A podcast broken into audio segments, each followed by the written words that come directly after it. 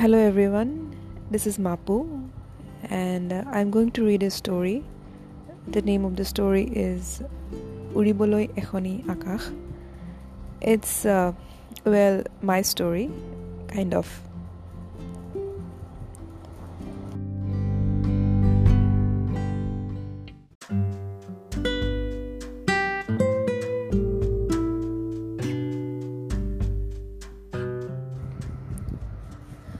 First episode দেউকা মেলি অতীতলৈ তোমাৰ নামটো জুইফুল আহ ধুনীয়া নাম ফ্লাৱাৰ অফ ফায়াৰ আচ্ছা শুনাচোন তোমালৈ এটা ৰিকুৱেষ্ট আছিল আমাৰ ইয়াত এইবাৰ জাৰ্নেলিজমত মাত্ৰ পাঁচগৰাকী ছোৱালীহে এডমিশ্যন লৈছে আৰু ইমান কম ছোৱালী থাকিলে আমাৰ ক্লাছ চলাবলৈ অসুবিধা হ'ব গতিকে তুমি এই বিষয়টোৰ সলনি আন এটা বিষয় বাছি লোৱা মই ট্ৰান্সফাৰ কৰি দিম কিন্তু কিয় ছাৰ মইতো এই বিষয়টোৱে লৈছোঁ বুজিছোঁ কিন্তু আমাৰো উপায় নোহোৱা হৈছে।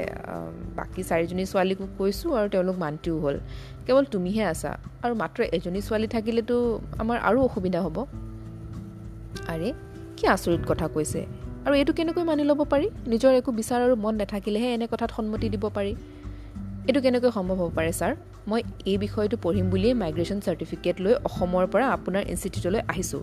মই এইটো ভাবি চিন্তিয়ে সিদ্ধান্ত লৈছোঁ আৰু মই মোৰ ইচ্ছাক সন্মান জনাওঁ গতিকে মই এই বিষয়টো সলনি কৰিব নোৱাৰিম। কাষৰ চকীখনতে বহি আছিল নন্দিনী। নন্দিনী সম্বন্ধত মোৰ বাইদেউ। দেউতাৰ বায়েকৰ ছোৱালী। বাইদেউ হ'লেও কিন্তু ব্যৱহাৰত আমি দুয়ো দুজনী বান্ধৱীৰ দৰেহে। ভিন্দু ইঞ্জিনিয়াৰ। জুনুক সৰু হৈ আছে বাবে নন্দিনীয়ে চাকৰি পায়ো কৰা নাই। জুনুকৰ ছবছৰ হৈছেহে আৰু গোটেই দিনটো তাৰ লগতেই লাগি থাকে তেওঁ। কি যে মৰম লগা ল'ৰাটো। অধ্যক্ষৰ কথাখিনি নীৰৱে শুনি আছিল নন্দিনীয়ে।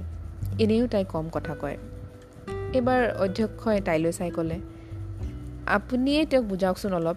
আমি সঁচাই অসুবিধাত পৰিছোঁ। চল্লিছজন ছাত্ৰৰ মাজত এগৰাকীয়ে ছাত্ৰীয়ে বাৰু কিদৰে পঢ়িব কওকচোন? এনেও ছোৱালীৰ বাবে এইটো টান বিষয়। প্ৰেক্টিকেলৰ বাবে কেতিয়াবা বেলেগ বেলেগ ঠাইলৈও যাব লগা হয়। মানুহজনৰ কথাখিনি মোৰ একদম ভাল লগা নাছিল। খং উঠি গ'ল। সেই নন্দিনী কিবা এটা কোৱাৰ আগতে ময়েই উত্তৰ দিলোঁ। কিন্তু ছাৰ এইটো কথা আপোনালোকে আগতেই চিন্তা কৰিব লাগিছিল। প্ৰস্পেক্টাছত আপোনালোকে অ'পেন কৰি দিবই নালাগিছিল লিখি দিব লাগিছিল অনলি ফৰ বইজ আপোনালোকে প্ৰস্পেক্টাছত দিলে।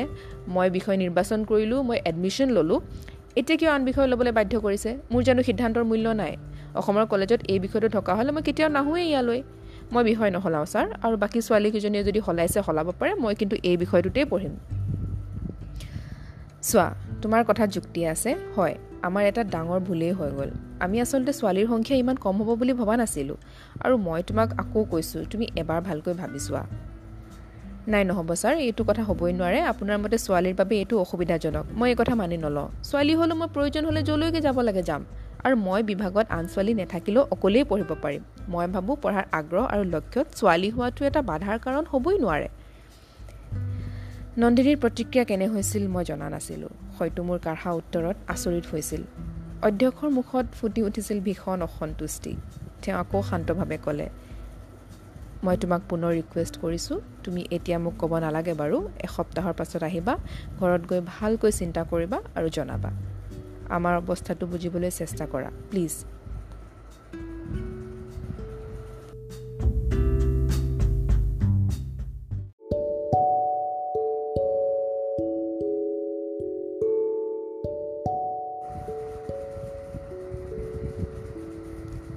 মই অধ্যক্ষৰ কোঠাৰ পৰা ওলাই আহিলোঁ।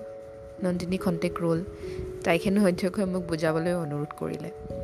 ইয়াকো ক'লে যে তেওঁ হেনো এনে ছোৱালী জীৱনত প্ৰথম লগ পাইছে।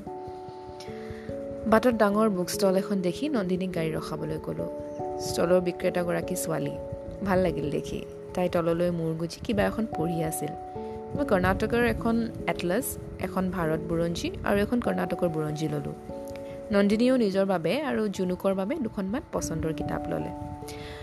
ষ্টলখনৰ পৰা ওলাই আহি সন্মুখতে পোৱা মিঠাই দোকানখনৰ পৰা জুনুকলৈ বুলি চকলেট চিপছ আদিৰ পেকেট দুটামান ল'লোঁ। নন্দিনীয়ে লাহে লাহে গাড়ী চলালে। অচিনাকি ঠাইখন মোক দেখুৱাই যাবৰ বাবে। নতুন ঠাইখনৰ বাট পথৰ ৰেহ ৰূপবোৰ চাই চাই আবেলি চাৰিমান বজাত ঘৰ সোমালোহি। জুনুক ৰৈ আছিল আমালৈ। অহ এইকেইদিন জুনুক হ'ব মোৰ মৰমৰ কণমানি সংগী।